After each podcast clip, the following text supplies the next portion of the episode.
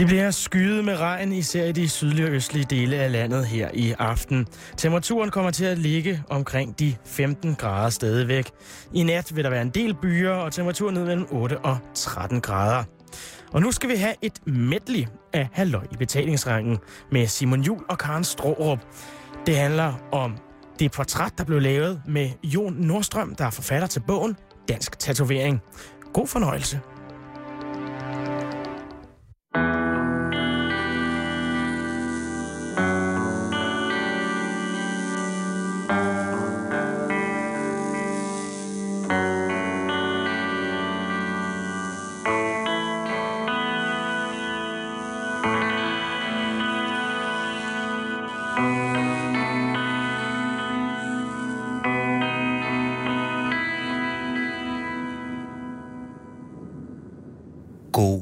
Eftermiddag og rigtig hjertelig velkommen til Halløj i betalingsringen på Radio 24 7.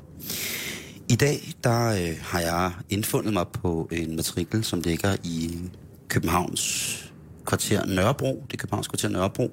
Jeg sidder i et kontor, hvor der er en rigtig, rigtig fin gammel øh, orange racercykel. Nogle vorfluer, eller jeg ved ikke, hvad det er. Det ligner en gammel skoleplanche, som man havde dengang, man gik i skole. Derudover så er der nogle, et køleskab, eller et arkivskabe, og en faktisk næsten, tænker jeg, lige så stor, eller måske lidt større plakat, fyldt med gamle tatoveringsmotiver. Og når jeg siger gamle tatoveringsmotiver, så er det altså rigtig, rigtig, rigtig gamle motiver. Øh, drager og damer, muser, femmastede skonnerter, indianerkvinder. Danbo er der selvfølgelig også, og en masse andet. Hvis man har lyst til at høre om tatoveringer og nøgne kællinger, så kan jeg lige så godt sige, at så er du havnet det rigtige sted på den her torsdag eftermiddag. Fordi at dagens gæst er Jon Nordstrøm. Hej Jon. Hej. Og tak fordi jeg måtte komme herud i dit dejlige kontor. Tak fordi jeg måtte være med. Men i dag, der skal det handle om øh, tatoveringer. Og ja. hvis folk, øh, der lytter med, er, har været blinde, er blinde, øh, eller ikke har set mig før, så vil jeg da meget gerne fortælle, at jeg har en øh, rigtig masse tatoveringer, som jeg er rigtig, rigtig glad for. Og dagens gæst er også godt plastret til. Og hvordan finder man så øh, Jon? Det gør man jo, fordi at, øh, at du ligger hjemme på mit, øh, på mit soveværelsesbord. Det er en bog, som hvis man, hvis man går lidt mere ind i, hvad der egentlig har sket i Danmark omkring tatovering, så er det altså, synes jeg, den eneste ene bog, man skal hive fat i og begynde at kigge i, som der står noget i, og som både som fortæller det rigtige og mm. også det forkerte om, ja. øh, om dansk tatovering. Og Jon, så kommer det gode spørgsmål, som du sikkert mm. også har fået af en masse mennesker. Mm. Hvornår fik du din første tatovering? Øh, jamen, det er egentlig lidt morsomt, fordi jeg har selvfølgelig, som, som alle andre, der arbejder i kreativ fag, jeg er jo egentlig fotografuddannelse og arbejder stadigvæk som, som fotograf, øh, så har man jo synes det var enormt spændende i forskellige faser af sit liv. Øh, og, og jeg har da også været tilbage i 90'erne, hvor jeg da godt kunne se nogle tribals så sjove ud, men jeg fik det aldrig, for jeg tog ikke. Øh, og så senere hen, når man kommer op, og det pludselig var sådan noget, øh, det er lidt weird, øh, og man havde lige hørt om Onkel Allan og et eller andet, og wow, og noget mm. underligt. Jamen, så tog jeg egentlig heller ikke helt. Øh, men jeg var alligevel så meget fascineret af det, at øh, jeg jo begyndte at, at researche lidt på emnet og, og, og sådan, men, men ikke rigtig noget, der egentlig alligevel blev helt sådan seriøst. Øh, men da jeg så ligesom nærmest over en nat besluttede for at lave den her bog, Dansk Tatovering, der havde jeg ingen eneste tatovering på det tidspunkt, da jeg gik i gang med bogen. Men det kom så under processen. Så min tatovering er faktisk ikke andet end 3-4 år, 4 år gamle. Øhm, og det er jeg i dag rigtig glad for det er selvfølgelig fedt at gå i gang, når man er ung og kan grine af den tid, det var dengang, men det er også rigtig sjovt, at for mig i hvert fald, at starte op samtidig med bogen, fordi jeg havde den der blanding af researcher på tatovører, der skulle med i bogen, jeg var ude og finde gamle materiale til bogen, og så pludselig møde nogle mennesker, som siger, gud, hun skal da tatovere mig, eller ham der skal da tatovere mig. Det var da for fedt. Og det var gjort det til en, en ekstra sjov, sjov oplevelse at lave bogen, jeg ligesom sagde, jamen når man laver en bog om det, så bliver man nødt til at blive tatoveret, og det var så skægt. Og så tog det jo selvfølgelig fart. Så kan man jo slet ikke lade være. Det kender du sikkert for dig selv. Altså, man, man vil ligesom, at man drømmer om motiver, når man er allerede i gang. Åh, det kan også være det og det og det. Men det var super, det har været så dejligt øh, proces. Jeg har haft det så hyggeligt med at blive tatoveret, og øh, nogle af dem har været planlagt meget, og man har ventet to måneder for at komme til, og alt det der. Nogle har jeg fået lavet øh, om eftermiddagen, hvor jeg ikke vidste, at jeg skulle have den om morgenen. Og det har også været meget sjovt at få sådan nogen. jeg har vundet en i et lotteri om, der blev lavet. Øh, og, og, og gøre det, det synes jeg også var skægt, fordi det jo også ligesom var en del af, af hvad kan man sige, old school tingen med, at man bare gik ind til tatovøren og fik lavet noget, der måske ikke var så velovervejet altid. Øh, og det hyggede jeg mig også meget godt med, at man har gjort lidt forskellige ting. Så svar på spørgsmålet, det er, at det var da jeg startede med bogen, og, og ikke før. Og i, i den garage ved siden af mig, der sidder en af de aller, aller dygtigste i Europa til at lave tatoveringsmaskiner, øh, custom-maskiner. Så ham har jeg siddet inde hos i, altså i 10 år, øh, når vi drak kaffe eller lige skulle hygge, og set ham lave de her maskiner. Så for mig faldt det sådan ligesom fuldstændig naturligt, det der, den øh, verden omkring tatovering, for han kendte jo alle tatovørerne og lavede de mærkelige ting, og jeg vidste noget om strøm, og nå, okay, når, når du kan bedst lide at ligge ned omkring 9 volt, nå ja, okay, og når den der kører bedst på 12 volt, når det er en, en liner, den der, okay, så jeg vidste meget mere om maskinerne og deres funktion, end jeg vidste om tatoveringer. Så det var i virkeligheden lidt min, min sådan indfaldsvinkel. Altså, jeg har ikke været specielt dygtig til at tegne som barn og sidde og tænke nu, åh, oh, jeg skulle og så videre. Det, det er sådan lidt mekaniske vej, eller maskinvejen, jeg kom ind i det, ikke? Øh, og, og da vi så øh, gik i gang, eller jeg besluttede, at jeg ville gå i gang med bogen her, så kunne han jo også hjælpe mig lynhurtigt og sige, prøv at høre, du skal lige hammer hammer, jeg ved, ham samleren dernede, skal du lige prøve at kontakte og sådan, ikke? Og så snakker man med nogle af dem, og så pludselig havde jeg fundet dem, der også skulle lave mine tatoveringer, fordi så havde man jo allerede 40 idéer til tatoveringer. Og hvad var den første? Det var faktisk øh, heroppe... Øh, en, en Michelin-tegning, altså hele den ene, min ene arm, det er jo kun Michelin-tegning. Ja, det kan jeg da godt se nu. Hele uh, Jons højre arm er... En stor Michelin-reklame. Hold da op. Øhm, har de, har de spædet i kassen? Nej, det har de ikke, og jeg, jeg, jeg er heller ikke sikker på, at de ville. De kunne risikere at ryge ud i et eller andet med, at, at der stod i Ekstrabladet, at de havde tvunget mig til, eller, eller altså, hvad ved jeg ikke, men altså, jeg har heller ikke spurgt dem, det er ikke nødvendigt for mig. Øh, men jeg er blevet stoppet faktisk af en englænder, der arbejder hos Michelin, der var ved at besvime, da han så, at jeg gik rundt med en helt arm med deres brand på. Men øh, det er gamle tegninger fra 1900-tallet der øh, i starten af Michelins tid. Øh, og der er den første heroppe, det er figuren, der hedder Bibendum, som jo er deres varemærke, eller hvad vi kalder Ja, altså det, som hedder Michelin-manden, han hedder... Ja, han, han hedder, han hedder han Bibendum. Ja, han hedder Bibendum. Okay. Øh, og, og det er her, hvor han sidder på en cykel ja. og, og har scoret en pige, der sidder på ryggen af ham øh, og vinker bagud. Og han er mægtig glad og har en stor cigar i munden og, og ryger. Dengang var øh, Michelin-manden, som vi nu ved hedder Bibendum, jo utrolig rå på mange punkter. Okay, og, altså og en levemand. Altså, hvis du ser den, jeg har heromme på bagsiden, hvor han har scoret en dame til ballet. Gud ja. Øh, så, så der, der, har, der ser du, der, det er et motiv, hvor at Michelin-manden er iført øh, det, man kan kalde en, øh, en, en Hubertus-jakke, ja, en, en rød blazer, og så har han en høj hat på det er sådan meget, altså, det var noget af det, jeg faldt for ved, ved Bibendo og Michelin, som jeg elsker. Ja. Øh, det er den der figur, som igennem årene har optrådt så sindssygt, især omkring øh, starten af 1900-tallet. Altså, han er jo helt vild. Jeg har også nogle billeder, hvor han står med løver og indianer og, og gør de mærkeligste ting. Øh, herover der er den anden, hvor han står ved at hive dæk ud af sig selv og frære en lille pige, som i øvrigt har en... Øh, en, en bamse, der er ham. Så han bliver og så der glad. står han også stadig, og altså han ser virkelig, han ser sgu lidt ond ud, ikke? Jo, han er ret ond at se på, på øh, nogle af En barsk negl, ikke? Ja. Og så står han her med en lille pige, som nærmest ser som om hun skammer sig. Der er sådan ja. lidt... Ja, det er lidt weird. Ja, det er meget weird, ikke? Jo. Øhm, hernede på den anden figur, hernede jeg har nederst, der sidder han, den er ikke så tydelig, men der sidder han og drikker glasgård Øh, og der er jo teksten så, at øh, Michelin kunne tåle det her.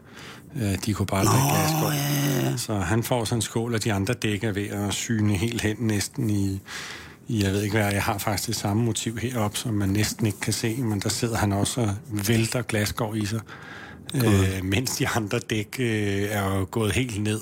Og de, der, de er bagved som sådan De er nogle, bagved som sådan nogle sprung, sprung i luften, ja, ja. ja. svaling, pisling. Så øh, det, det er sådan lidt min hyldest til det. Men det er det, det er det gode ved at med at tatovere min alder, eller vente. Altså mm. ikke fordi jeg siger, at folk skal vente, de skal skulle blive tatoveret, når de har lyst, og ikke være Ja, så meget præcis. finkulturelt om det. Nej. Men det, at jeg ligesom øh, besluttede mig for det i forbindelse med bogen, og ligesom så kunne, åh fedt, det kunne være skægt, og jeg havde samlet på Michelin før, og synes det var sjovt. Så tog jeg bare det, jeg fandt det sjoveste, og sagde, at jeg vil have det helt primitivt. Altså, øh, det at kunne få tatovøren til at være så simpel og primitiv, som den her arm er lavet, det er faktisk ikke helt nemt. Fordi Nej. de vil jo godt ud og skygge og lave wow, jamen, skal vi Ja, ikke ja. lave noget, skal vi ikke lave noget med bagved og nogen og sådan noget. Jeg sagde, nej, det her, det skal lige noget fra 1912. Og det, øh, det, det skulle sådan lige synkes øh, af, af de tatovører, jeg har snakket med omkring, hvordan min tatovering skulle være. Det er, at jeg ligesom har det, man kalder en outline hele vejen rundt. Jeg har ikke noget særlig meget skyggevirkning. Og selvfølgelig er der noget her, ikke? Men, men at det, Ja, det er meget flade tatoveringer, du har, hvis man Ja. Altså ikke på den måde, at det er de er flade, som i, at de ikke er pæne, men det er meget øh, 2D, hvor man kan sige, at mange tatoveringer i dag får netop utrolig meget skygge, eller Ja. får, øh, altså, de går, går efter den sådan meget naturalistiske ting. Ja, ikke? og meget, meget dybde i, og, mm. og sådan sort, der fader ned ad armen og sådan noget. Her, der er vi virkelig ude i... Altså, der er en linje hele vejen rundt, og man kan se, hvad det er, og, og, og de får lidt det der, det er en tegning på min arm. Ja. Når man starter op på højre arm heroppe, det er der, man starter med at blive tatoveret. Øhm, og det var også en tatovør, som så ikke, desværre, kan man sige, ikke har tatoveret mig nu. En, jeg synes, der er god og sød, onkel Allan der havde det lidt sådan, at man starter herop. Altså de der ja. drenge, der kommer, vil starte ud på hånden eller på halsen, og så han siger, prøv du er nødt til at starte, du starter herop. Mm. Så arbejder du derfra, og så, så ligesom bygger du op øh, helt naturligt. Øh, og det gør jeg også. Nu er alle mine tatoveringer her på den her med Michelin er lavet af en, af en rigtig sød pige, en lidt skrab pige, Louise, ja. nede for Baby Lou. Øh, så kan man komme ned og få både lidt skæld ud, og, men også en rigtig god tatovering, for hun er super fed.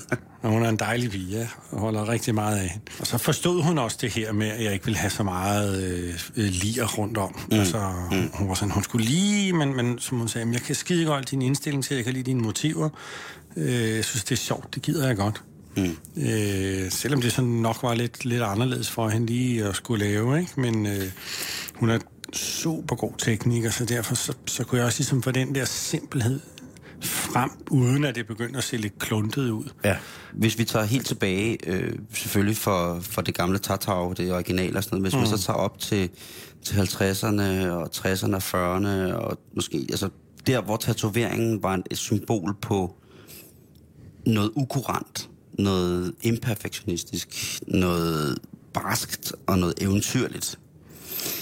Ja, nok især øh, det eventyrlige af det barske. Så jeg kan blive fuldstændig hysterisk omkring hygiejnen, ikke? Ja, ja men det er det, som jeg også startede med at sige. Øh, det er min Og bekymring. det er fordi, vi er jo gamle mennesker, jo, ikke? Mm. Så man vil godt... Øh, som man siger jo, at når, når folk sidder på Danmarks hurtigste bil og bliver tatoveret i en campingvogn.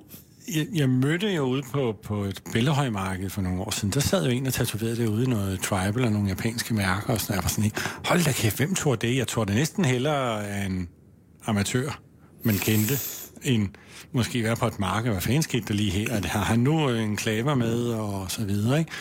Men altså, ja, man kan snakke længe om det, og, og der er ingen tvivl om, at jeg tror, vi begge to er enige om, at hygiejnen skal være 100 procent. Der skal være en tryghed omkring det, og der skal også være en tryghed omkring farven, og er der ikke noget med den røde farve, siger de så til mig. Så kigger sådan, øh, snakker vi tatoveringer nu? Nå, okay, ja. Øh, men, men det er sådan en Ja. klassiker, ikke? Og selvfølgelig kan der være noget med den røde farve, noget med den gule farve, og der kan være noget med, og så videre, så videre. Det vigtige er, at man prøver at undersøge det og tjekke ud, og sådan Frans Jæger øh, sagde til mig her for nylig, en meget dygtig tatovør her på Nørrebro, for jeg spurgte jo ham det med farverne også, og sagde til ham, prøv Frans, jeg er blevet spurgt om det her 12.000 gange, fordi jeg er øh, udkåret til at blive ekspert øh, på lyntid her, så jeg skal jo svare på, jeg ved ikke, hvor meget lort. Øh, og det gør jeg så også gerne, øh, og er der noget med farverne og den røde, ikke? Og så sagde han, jamen nogle farver er der noget med, nogle farver er der ikke noget med. Det, som han øh, gjorde for at prøve at sikre sig, der var, han købt amerikanske farver, fordi i USA, der blev der altså sagsøgt for milliarder, hvis der er noget, der ikke er i orden. Mm. Så han købte amerikanske farver igennem et tysk firma. Ja. Så kunne det vel ikke blive mere ordentligt, som man sagde. Og ellers så kan man, hvis man har en... hvis man sidder derude nu og lytter med på, øh, her på Radio 24 Halløj Betalingsringen, øh, besøg hos øh, Jon Nordstrand, som har forfattet øh, bogen Danish Tattooing. I Danmark, der har vi, øh, hvis man er en ordentlig tatovør, så har vi altså nogle krav, som er stort set øh, lige så øh, hardcore som på skadestuer, om, hvis man skal sætte sig ind og blive tatoveret som tatovør. Ja, jeg skal så lige rette dig. Nå. Fordi vi har ingen krav. Der er ingen krav. Der er ingen krav. Det er øh, foreningen selv, det er tatovørerne selv, der har nogle standarder nu. Der er ikke noget lovkrav omkring, Nå. at en tatovør skal sådan og sådan og sådan. Slet ikke.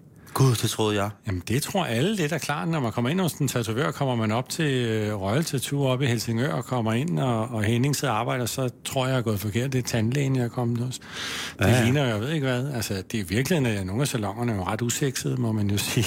Ja, det er meget, Henning- meget, meget sterilt. Eller bare, hvor du bliver tatoveret ned hos Ja. Frans Jæger, der er jo fliser, og her til ikke længere, og øh, du må helst ikke gå herind. Nå, undskyld, undskyld. Ja. Øhm, så, så, så øh, det er noget, de selv har øh, gjort. Der har så været nogle lovgivningsforslag øh, lagt op, som har været helt klodset. Mm.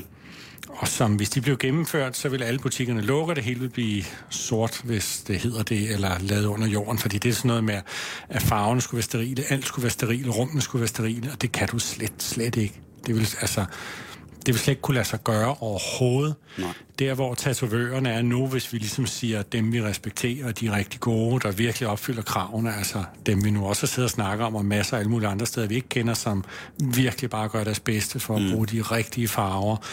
Øh, Der er dyre, enklaver og rengør, og hele tiden skifter handske, hvis de lige bare tager telefonen, ny handske på, osv. osv. Dem, der virkelig opfylder de krav, de selv har stillet. Mm. Øh, du kan ikke gøre det bedre øh, inden for en ramme, der hedder, at vi skal kunne tatovere. Så der er ingen tvivl om, at der, hvor vi er i Danmark, og jeg har oplevet øh, hos de tatovører, jeg er kommet hos, der er hygiejnen øh, rigtig højt op. Øh, men jeg har selvfølgelig ikke besøgt alle, og der er masser, der har fået infektion. Jeg har da også en enkelt gang fået infektion. Ja. Øh, men det var, det var et uheld, fordi han sad og kørte rundt med noget farve, og der var et eller andet, var sådan, og det kan ske. Og han, øh, jeg, jeg ringede til ham øh, to dage efter, da jeg blev rød omkring det, og han med det samme, sådan og sådan, og du gør det og det og det, og ned og få øh, penicillin, og ding, ding, ding, og så ringede han til mig to dage efter, hvordan er det begyndt at lægge sig. Han var super... Mm. Han ringede tre gange til mig undervejs for at høre, hvor lå den hen nu. Fint, så den på vej ned. Ingen problem. Godt. Og selvfølgelig kommer man ned og får tatoveret noget andet gratis og dingeling. så, så jeg synes, vi er rigtig godt med, hvad hygiejnen angår. Men det er klart, når jeg før nævner de der hjemmelavede og små, der laver noget rock and roll og sådan noget, mm. de skal eddermame sørge for, at hygiejnen er top. De må bare ikke springe over, gader er lavest. Skal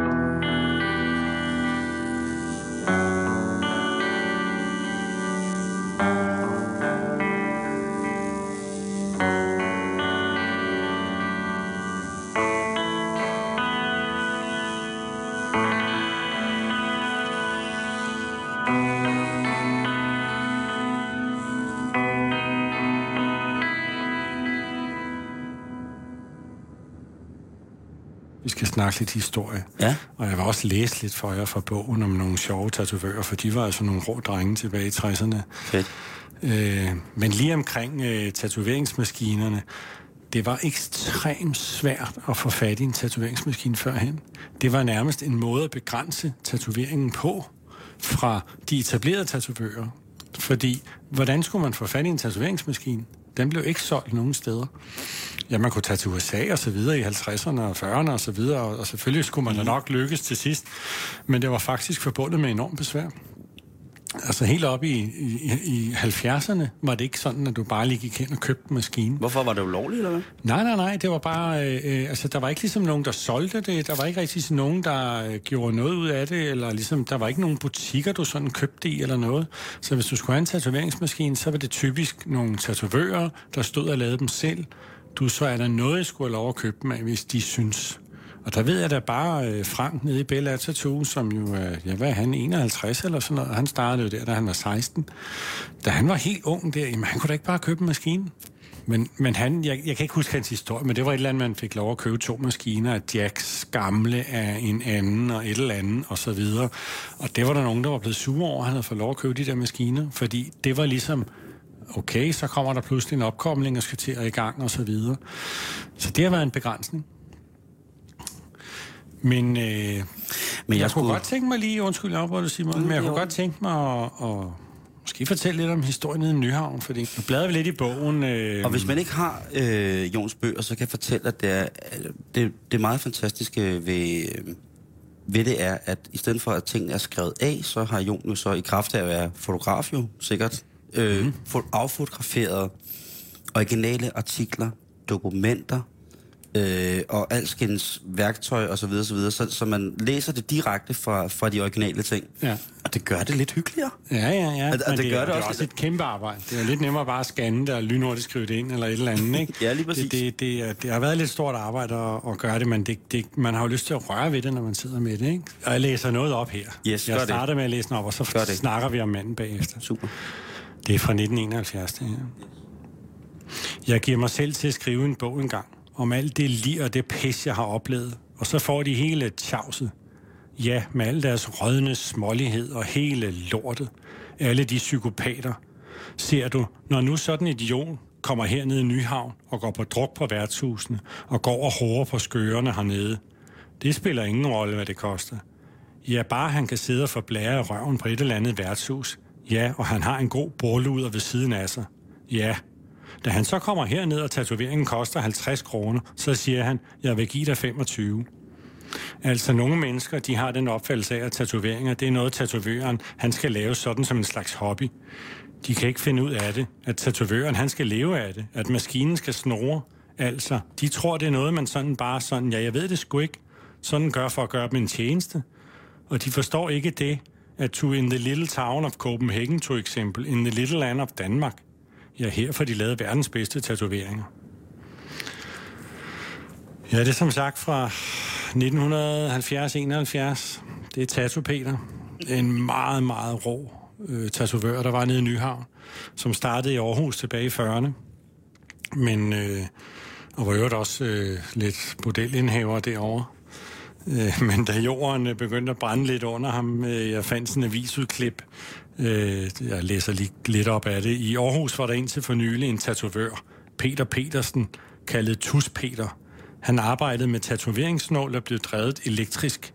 Igennem årene har han udført mange hundrede tatoveringer, både på Aarhusianerne og søfolk.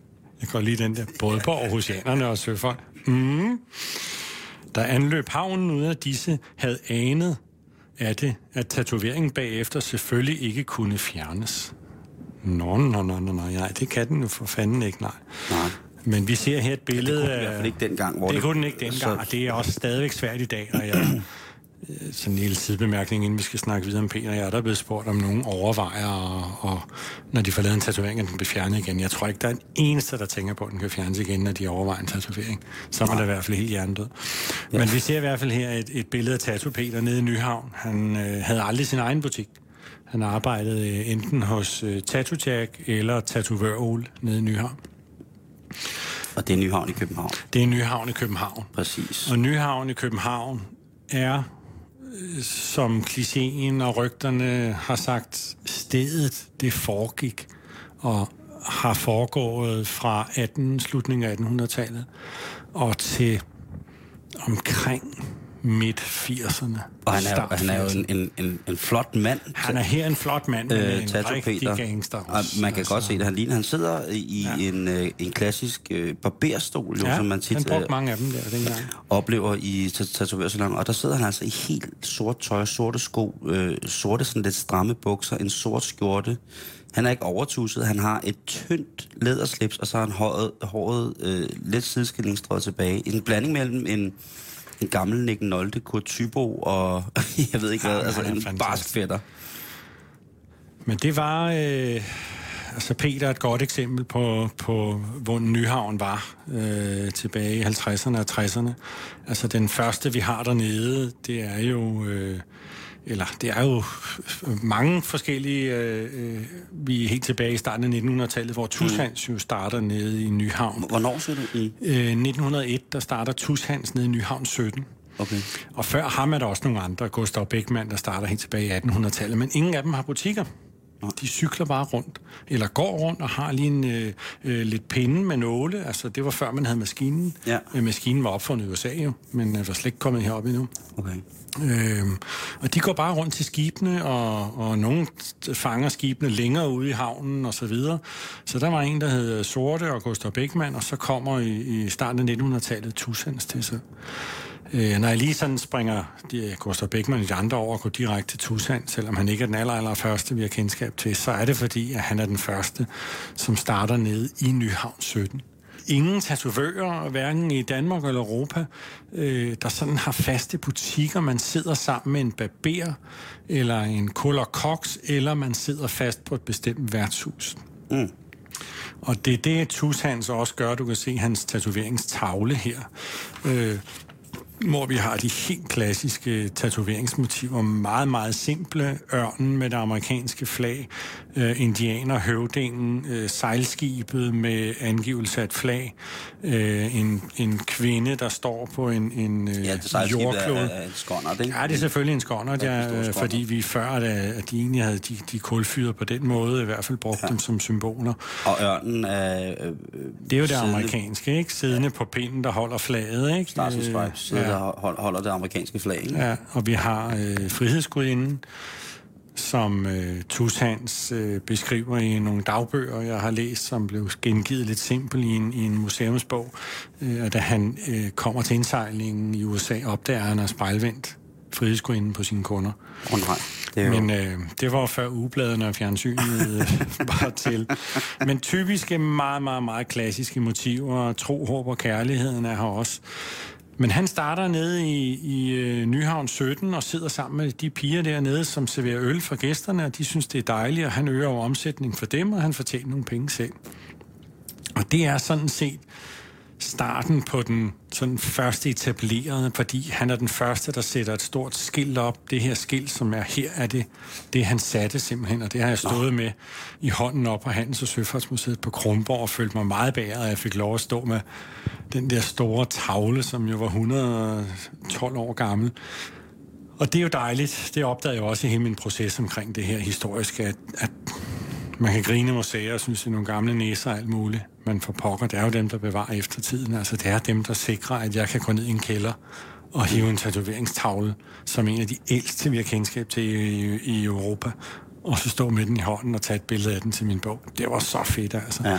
Det, var, det var virkelig stort. Er vi langt fremme i skoene i Danmark i henhold til at eta- være, have etableret tatoveringssteder? Ja, ja, altså det var vi sådan set nok, fordi Nyhavn er så koncentreret, som det er. Altså, Nyhavn ligger jo den der kunstige havn, der buller ind midt inde i Kongens Nytorv, er jo helt tosset, eller det, det, er, jo, det er jo fantastisk. Er vi langt fremme der? Altså 1901, siger Ja, du? altså det er vi faktisk. Det er man også i andre lande, og det er man også i USA, fordi ja. øh, da Tushand så øh, kommer til USA i 1902, øh, hvor han tager en båd derovre, fordi han bare vil væk fra det hele, og alle siger, du er da tosset, du tjener jo så godt på det. Han var bare så pisse træt af det, og han var træt af de piger nede på værtshuset, han ville bare væk. Øh, der strander han i New York, fordi han kommer til at drikke sig beruset og når ikke sin båd hjem. eller, og, og, og når, så har han jo ikke kunne afmønstre, eller, altså, han har så ikke orden i sine papirer med søfartsbogen, så han kan jo ikke bare sådan. Men derfor har han arbejdet hos en tatovør, en norsk tatovør, der holder til det over øh, ude i Bowery.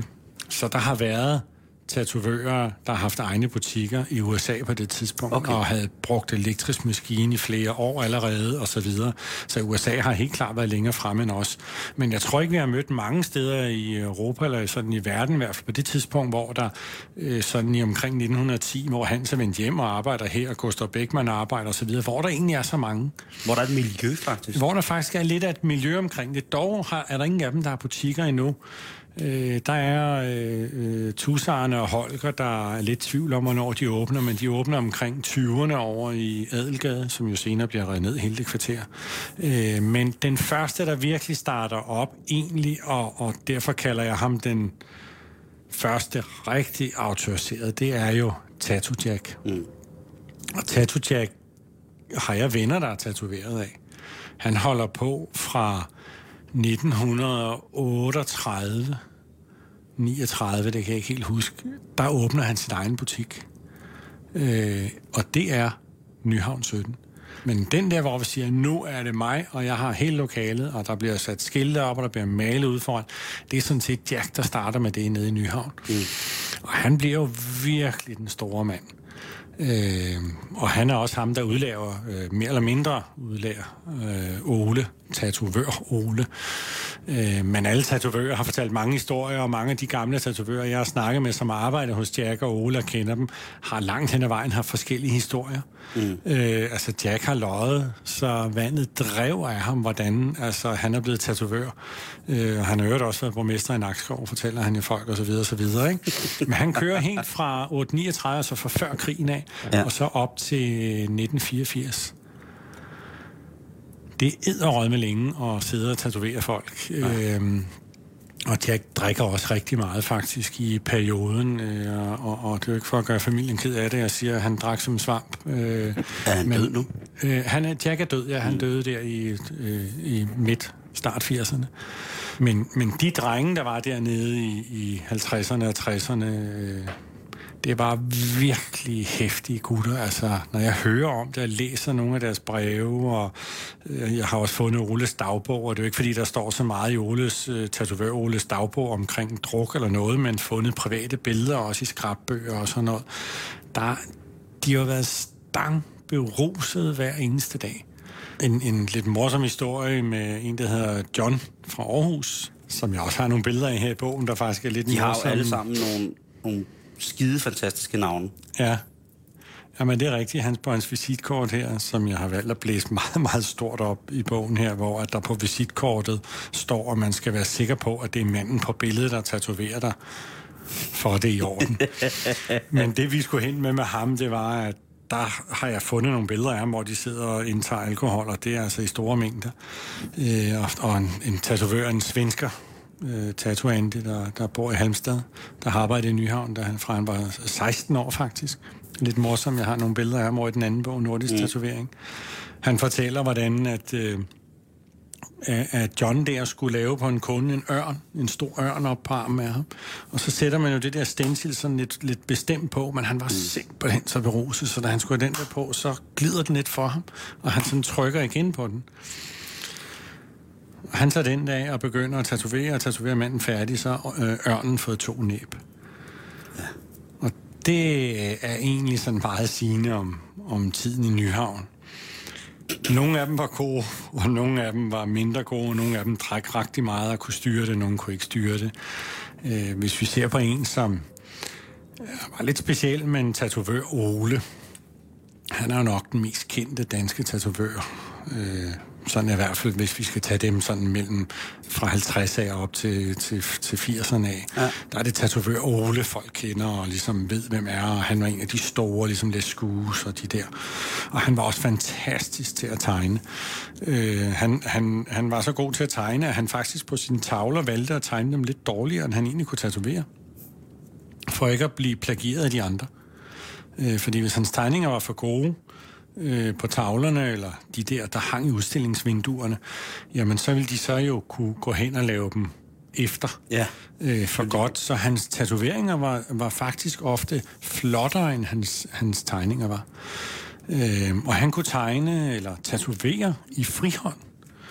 Det vil sige, at han øh, helt uden stencil og helt uden at tegne op først på armen med folk, så kunne han gå hen og øh, markere masten. Han lavede lige en lige streg ned igennem og sagde, her har vi ligesom øh, øh, omdrejningspunktet, og så gik han ellers bare i gang. Han vandt øh, det uofficielle verdensmesterskab øh, med sådan en der, de skulle lave en ørn og et skib på tid. Og så havde arrangøren ringet til Ole først, som var meget respekteret tatovør jo, ja. og spurgte, hvad synes du, Ole, man kunne til det her, sikkert på engelsk, for det foregik ikke i Danmark. Øh, jamen, jeg synes, der sagde han snedigt, at det skal være øh, et sejlskib og en ørn på tid. Mm. Og så selvfølgelig bedømmes øh, ja. for kvaliteten. Og til verdensmesterskabet der, inden de andre tatovører overhovedet havde fået tegnet til stencilen, der var Ole færdig med begge motiverne. Og de var super flotte, og han vandt selvfølgelig.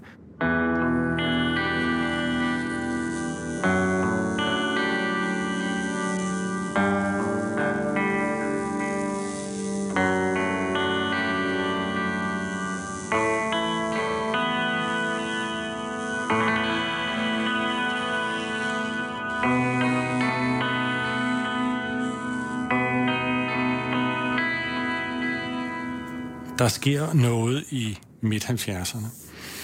Øh, Tattoo Svend, som jo også stadigvæk lever i øh, næsten bedste velgående. Mm. Han har i hvert fald snakketøjet i orden.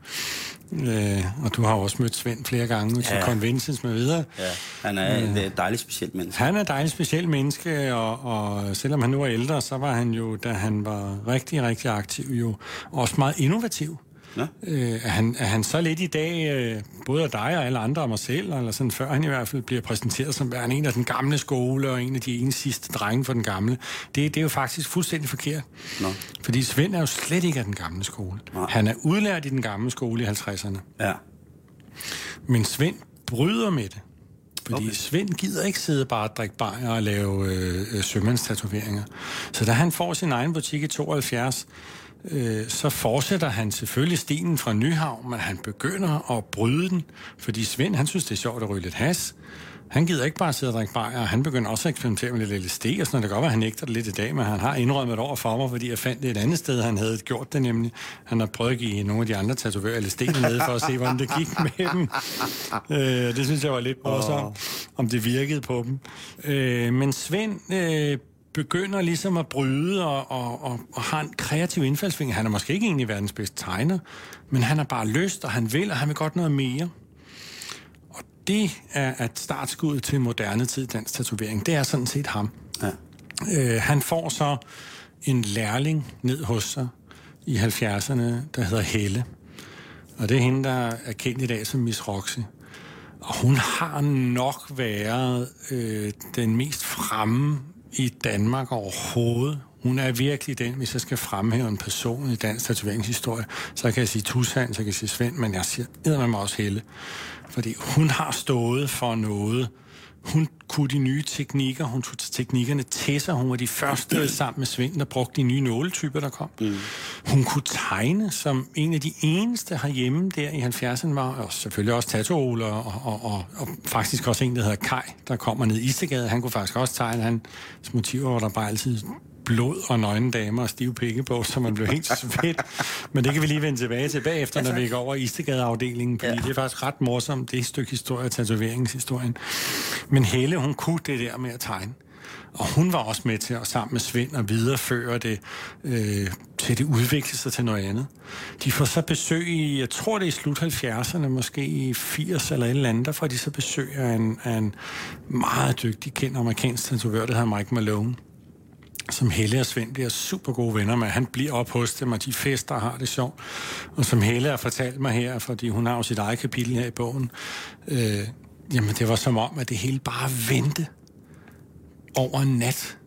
De havde gået udviklet, og wow, pludselig nærmest fra den ene dag til den anden, der tog de bare brede sig ud, og altså, jamen, vi er bare et helt andet sted lige pludselig, end, end det, du så herover som er nogle små sømandsklatter, og godt nok er syv år tidligere, selvfølgelig sker der meget på syv år, mm. det gør mm. der jo også med musik og så meget andet, men der er alligevel et stykke vej, når man ser de to ting her, hvor Svends motiv, vi ser et billede af Svend her, skal vi lige beskrive for lytterne selvfølgelig, Svend sidder med mega langt hår, meget, meget ivrig, øh, stadigvæk uden. Stort mørkt fuldskæg. Stort fuldskæg og svedig og med en maskine i hånden og guldlænker selv og tatoveret over det hele med en kunde, han bestemt også har tatoveret over det hele, hvilket jo altså faktisk på det tidspunkt var lidt usædvanligt. Og det er, øh, og igen uden handsker, og så kan man jo også se, at ja. Svend jo på øh, han, sin højre arm på det tidspunkt også havde altså en kæmpestor øh, indianerkvinde med, med, med hele sin verden nedenunder sig i blomster ja. og mønstre. Ja. Og ikke noget sådan, altså generelt genkendeligt skrift, eller øh, nej, nej, nej. Altså et, et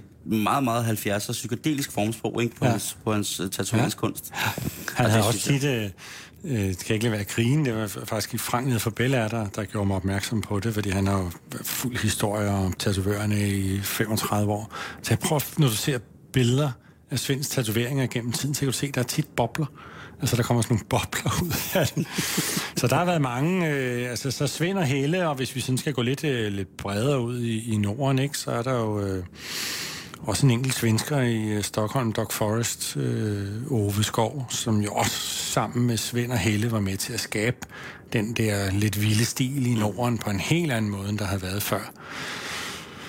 Og Helle er jo øh, hende som... Er det, er det, det er hende, der bliver Miss Roxy? Det er hende, der kalder sig Miss Roxy, og hun er jo stadigvæk Hun er stadig øh, tatovør inde på Israels plads, og hun er stadigvæk øh, super god og pissegod til at tegne. Øh, hun er lidt øh, rap i kæften, og kan godt lige svare igen, men hun har jo også været i et mandemiljø i rigtig mange år, og hun har jo skulle være ja, turen igennem med mange forskellige øh, styrende enheder i, i, øh, i faget. Hun har jo også oplevet ligesom hele rockerbølgen og, og så videre, og har måttet stå hele det igennem.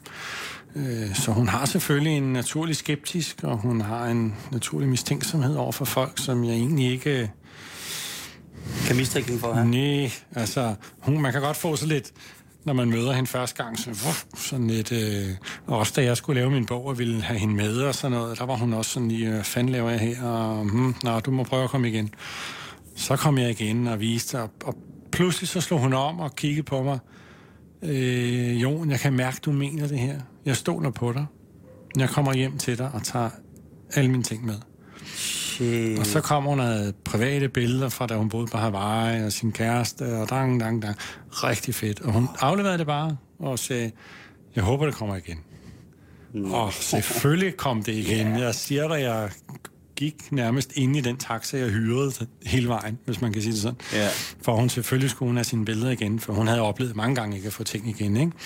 Men lad os springe over til en, en sjov del af tatoveringshistorien, og det er jo Istegade. Det er jo, når vi bryder øh, Nyhavns monopolet. Og det er lidt morsomt. Det er, det er, en, det er sådan en, en meget hæftig tatovør. En hæftig dreng, en hæftig mand. Men når jeg kalder ham en dreng, så er det fordi, som kun 15-årig, der beslutter han sig for, at han vil være tatovør. Øh, og han går så ned i Nyhavn, øh, og han, har- han har øvet sig lidt på nogle af sine venner. og en af dem, han har øvet sig på, er nemlig min ven i dag. Og ham, jeg fortalte om, der før sidder og laver de der gode maskiner. Ja. Øh, han har nogle rigtig sjove tatoveringer på sin hånd og arm, hvor jeg næsten ikke kan se, hvad det er. En, blandt andet en hånd med seks fingre, fordi Kim han talte forkert. Øh, ja, men det er så morsomt, de sad og tatoverede hinanden der som 14-årige, ude på Nørrebro her i øvrigt. Øh, men Kim, han øh, går ned til Jack og siger, um, prøv at høre, jeg vil være tatovør, og jeg er skide god og sådan noget. Han havde også øvet sig lidt og sådan noget, og fået fat i en maskine. og øh, han, øh, Kim, fordi han er ikke så gammel, så han har sin farbror med. Og Jack siger, så, så vis, hvad du kan, så lav noget på ham der. Det var jo ikke lige planlagt, men han får sin farbror til at smøre op, og han får lige lavet en tatovering. Og Kim får så lov at komme i lære dernede og sidde sådan typisk lige og fylde lidt farve ud og lave lidt. Hvornår snakker og- vi vi er i, øh, vi må, i 71. Shit. 71, 72 øh, er Kim i lærer. Øh, og er, øh, bliver så udlært nede hos Svend. Eller undskyld, nede hos, øh, hos Jack. Øh, og så lidt over i Svends butik også, men, men øh, Svend, øh, når jeg snakkede med Svend, han sagde, at jeg kunne slet ikke styre ham, han var helt vild, og så stod han og lavede maskiner nede i mit baglokale, og så var han ved at brænde hele øh, butikken ned flere gange, fordi han stod med den der bundselsbrænder op ad trævæggen, og han var, han var slet ikke til at styre på en tynd land, Kim, men han er fantastisk, jeg har mødt ham flere gange i dag. Øh, men Kim gider simpelthen ikke sidde nede i, i Nyhavn, fordi han siger, når du så har morgenvagten, eller formiddagsvagten, hvis de startede der kl. 12 et stykker, så kom der kunder og klagede over det, der var lavet om natten, fordi det lignede lort og et eller andet, og det er blødt endnu, eller hvad ved jeg. Mm. Og Kim gad bare ikke det at sidde og høre på alt det pis, hvad de andre har lavet, og det er jo ikke, fordi Kim måske var meget dygtigere, men han ville sit eget. Han rykker så ned i Istegade i midt-70'erne, som den første, der ligesom bryder væk fra Nyhavnsmonopolet. Og Istegade er så råt på det tidspunkt. Jeg tror næsten ikke, man kan finde noget mere råt, fordi vi har jo haft det, vi skal snakke om bagefter. Pornoens frigivelse og gangster og narko, og alle de der pornopenge skulle kanaliseres ud i et eller andet, så blev det noget narko og så videre. Så det er jo eksploderet ned i Istegade. Rockerne er jo også kommet til, og forskellige rockerklubber er begyndt at husere rundt i, i kvartererne og prøve at styre lidt og så videre.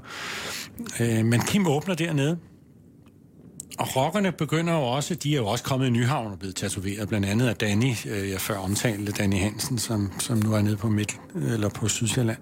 Han tatoverede også en del rocker af en eller anden grund, men de har jo nok set, at han var rigtig dygtig til at lave store ting. Øh, men, men Kim har jo også rocker, der kommer ned hos ham, ja, fordi nu er han ny og ligger der, og, wow, og er lidt, lidt grov i kæften også selv. Men da der så kommer nogle af de første rockerkrige, som vi jo knap nok kan huske, hvem er imellem, fordi så gamle er vi jo heller ikke.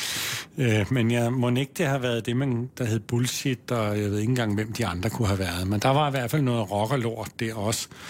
Øh, og, og, og det var ikke kun, fordi det var rockerkrig, men det var også, fordi der var nogen, der så ikke kunne lide ham, og nogen kunne ikke lide ham, og en gangster kunne ikke lide ham, og mange af dem kom ned hos Kim.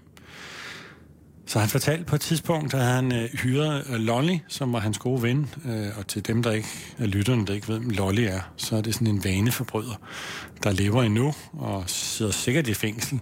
Hvis der er et alderdomshjemsfængsel, så må Lolly sidde derinde. Guldlund. Ja, for han har jo simpelthen solgt narko og solgt lort, siden han var 16 tilbage i 50'erne. Øh, men det var Kims ven. Og han stod op på gaden og havde hyret ham, og så havde han en rottweiler nede i butikken. Og så sad han med skudsikker vest med en pistol i lommen. Og tatoveret? Og tatoveret. Øh, på det her billede, sort-hvid billede, vi har af ham her, der sidder han jo i bare overkrop og tatoverer en pige, der også sidder i bare overkrop. Det er jo nok sådan et, et rigtig dejligt arrangeret foto. Her sidder Kim med sin søn på skødet nede i butikken. Nå. Øh, og man kan se her Kim, som i en alder af 16 år, der han arbejder nede hos Tattoo Bob. Han er jo en glad mand, øh, eller glad dreng kalder vi ham her, ikke? altså, der går ikke mange år, så går det stærkt dernede. Så kommer der andre til. Ja. Øh, der pludselig blandt andet, den, den, der bliver den store mand dernede, Kai, Kai Platex, øh, som også lever endnu, og kan mange røverhistorier, og, og kan lide øl også på en gang. Øh, bor også nede på Sydsjælland nu, fordi det er vist billigere at bo dernede.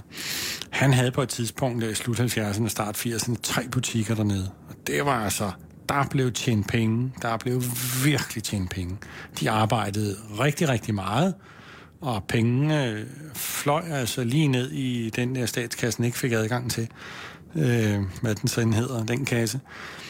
Og det kostede også penge at blive tatoveret. De havde fundet ud af, at det skulle koste penge at blive tatoveret, og der var sådan meget hype om det. Det allerede begynder det, ikke? Og, og folk vil have lavet store ting, og det er jo også der, at vi starter med, at du ikke kun laver de der walk-in, men hvor du efter har lavet en walk-in, indser den er for stor, du bliver nødt til at komme igen en anden dag. Mm.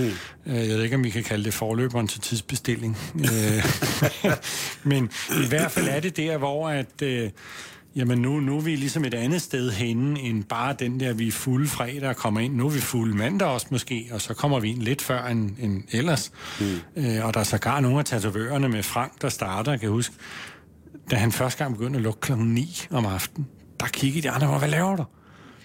Men, men på et eller andet tidspunkt skulle man jo starte, og hvis du ser det her billede, som er nede øh, fra Kajs butik, hvor Frank i en ung udgave med langt hår og lædervest, arbejder det fra vel 80-81. Eddermame med hæftigt billede, ikke? Altså, det ligner jo æblegrød, hvis æblegrød ser sådan ud, så er det i hvert fald her. Ja. Øh, og vi ser her Kai, den store mand, et billede af ham i bare overkrop, som øh, i øvrigt Frank har taget af ham der i start 80'erne. Det var kongen nede i Istergade på det tidspunkt. Han styrede altså butikkerne. Der var også andre, der fik butikker dernede, men det var ham, der var den... Kai. Nej, det var altså Kai. Øh, og vi kan se nogle gutter stå ude foran Kajs butik. Øh, et andet sjovt billede, vi har af Kaj og, og, og gutterne, vi slutter af med herovre, som, som er et af mine yndlingsbilleder i bogen. Vi har slået op på et dobbeltopslag, eller et opslag, som det jo hedder, øh, hvor vi øvrigt ser ham, der også er ude på forsiden, bare øh, 30 år senere, øh, med en kæmpe ølmave. Og den Hvem er det derude på forsiden? Det er øh, Svend Kok, en øh, sømandskok, som øh, holdt til nede i Nyhavn og var meget voldsom. Og hvis han blev sur på pølsemanden, jamen, så kunne han finde på at vælte hele pølsevognen. Øh, så han var en hæftig fætter, men da ligesom Nyhavnsmiljøet døde ud, så fulgte han jo ligesom bare med de andre tatovører. Og, og, og hvorfor han egentlig gjorde det, ved jeg ikke, fordi han havde ikke så meget plads eller lyst til at blive mere tatoveret, men han fulgte bare med det rå miljø. Og det flyttede sig til Istegade. Så vi har her et fantastisk billede, øh, hvor der er 10 mennesker på cirka, med nogle øh, øh, af den tids rockere, øh, med noget øh, kobra tatoveret på brystet, og tatoveringer ned ad armene, og pandenbånd med nitter i, og øh, der er egentlig, ja, jeg vil sige, at han ligner Paul Thompson, men det har han nok ikke tænkt på dengang, for Paul En kraft, øh, kraftkæm med flanelskjorten ja. i buksen. Og så har vi en nøgen dame liggende, en over dem alle sammen med nogle tatoveringer på brysterne. Meget, meget 80'er billede. Et billede, der blev taget til ugens rapport i øvrigt. ja. i, øh, i, altså, da det startede. Så det er ret morsomt. Det var de rå drenge, man skulle præsentere i ugens rapport.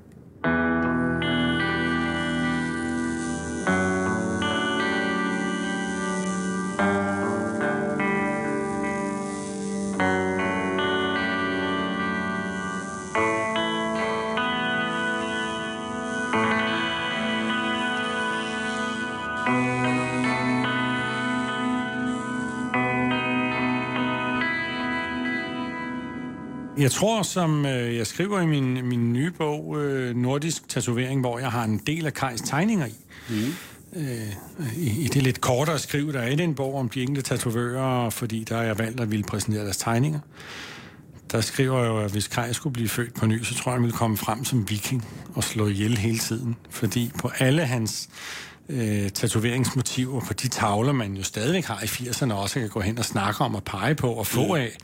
Det var ikke sådan, at bare fordi vi skrev 1981, så så skulle alle lave individuelle ting, og nu var det altså slet ikke de der ting, man gik hen og pegede på, var måske bare større karakter, og noget, man tegnede lidt videre på.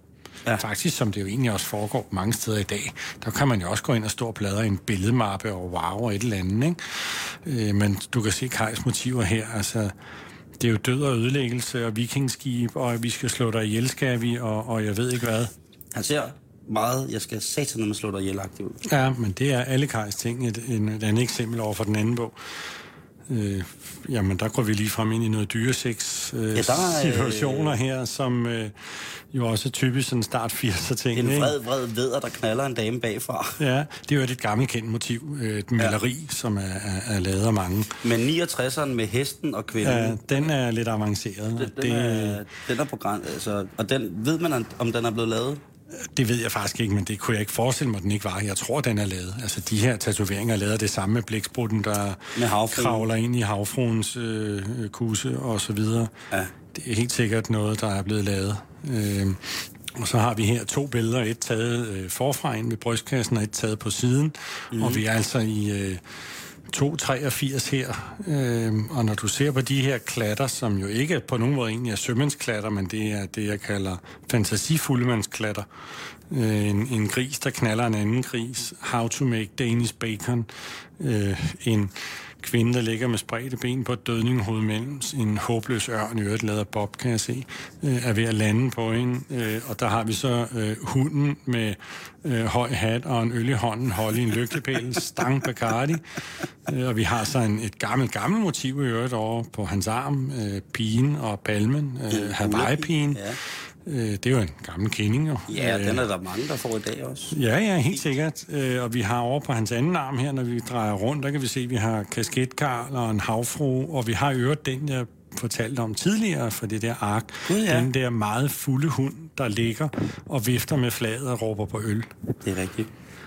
Så det er sådan, man, man, øh, man kan også have lidt gode minder omkring en tatovering, og det, og det tror jeg, nogen glemmer nogle gange, fordi det er så tilrettelagt igennem lang tid og så videre. Jeg synes også, det er sjovt nogle gange at have... Ikke fordi jeg anbefaler folk at gå ud og tage tatoveringer i lotterier på den måde, hvis de støder i det, men, men øh, for mit vedkommende har det været super fedt. Nogle gange så har jeg mødt nogle folk, som har sagt til mig bagefter, fordi den der havde de der, som jeg har drevet dem lidt med nogle gange, så sagde de, ved du hvad, faktisk ret, at det er et pissegodt minde. Mm-hmm. Billederne, fotografierne er blevet væk, og alt muligt mærkeligt. Ja, ja, ja. Man kan den, huske en oplevelse. Den, den her kan vi alle sammen huske. Ja at øh, jeg var helt brændt af på et eller andet mm. indianermedicin første gang, og så prøvede jeg den her, ikke? Ja, indianermedicin. ja. Svedhylde. Ja, og det synes jeg er, ja. er, ret vigtigt, når man bliver tusset i dag, at det er jo bare at det er noget, man sætter ind på en harddisk. Og hvem ved, altså, Gud bedre det, men at der sikkert om en år er en, en tablet, man kan tage, og så næste dag, så er de faldet i... Ja, I vask. Et eller andet, lige præcis, ikke? Ja, altså, du kan jo fjerne rigtig meget med laser i dag. Du skal bare til at skrue godt op for apparatet. Øh, jo, dine to tatoveringsbøger er nordisk tatovering og dansk tatovering. Mm. Og øh, de er at skaffe, øh, kan man købe dem på nettet? Ja, man kan, altså, man kan købe dem, hvor man køber bøger. Boghandleren. Ja. Helt almindelig boghandler. Mange af dem har det. Nordisk tatoveringsbogen er lidt mere nørdet, synes nogen, så der er nogle boghandlere, der ikke har taget den hjem. Den er måske nemmere at finde på nettet, ja. Men ellers så er de til at finde jeg synes jo, historiedelen er fantastisk. Og hvis man har synes, mm. at uh, historiedelen, du har fortalt om, her har fanget en, så ja. skulle man æderomme lige til at læse bøger. Ja. For det er kun, endnu mere. Ja, Det er, ja. det er ikke, ikke engang toppen. Det er spidsen af toppen af isbjerget af røverhistorier og fantastiske mm. mennesker. Jon, tak for i dag. Ja, selv tak. Det var en udsøgt fornøjelse. Det var hyggeligt. Hvornår skal du tusses næste gang? Lige om lidt. Det kan ikke være længe. Det er oppe på brystet. Au, au, au, au. Au, au, au. Ja. Du skal, halsen, det er dumt. Ja, det gør rigtig ondt. Det gør rigtig, det er rigtig dumt. Lige indtil man beslutter for, at man skal have det næste. Ja. Du har lyttet til portrættet af forfatteren og fotografen Jon Nordstrøm, og lige nu, så er der Radio 24 7 nyheder. Tak for i dag.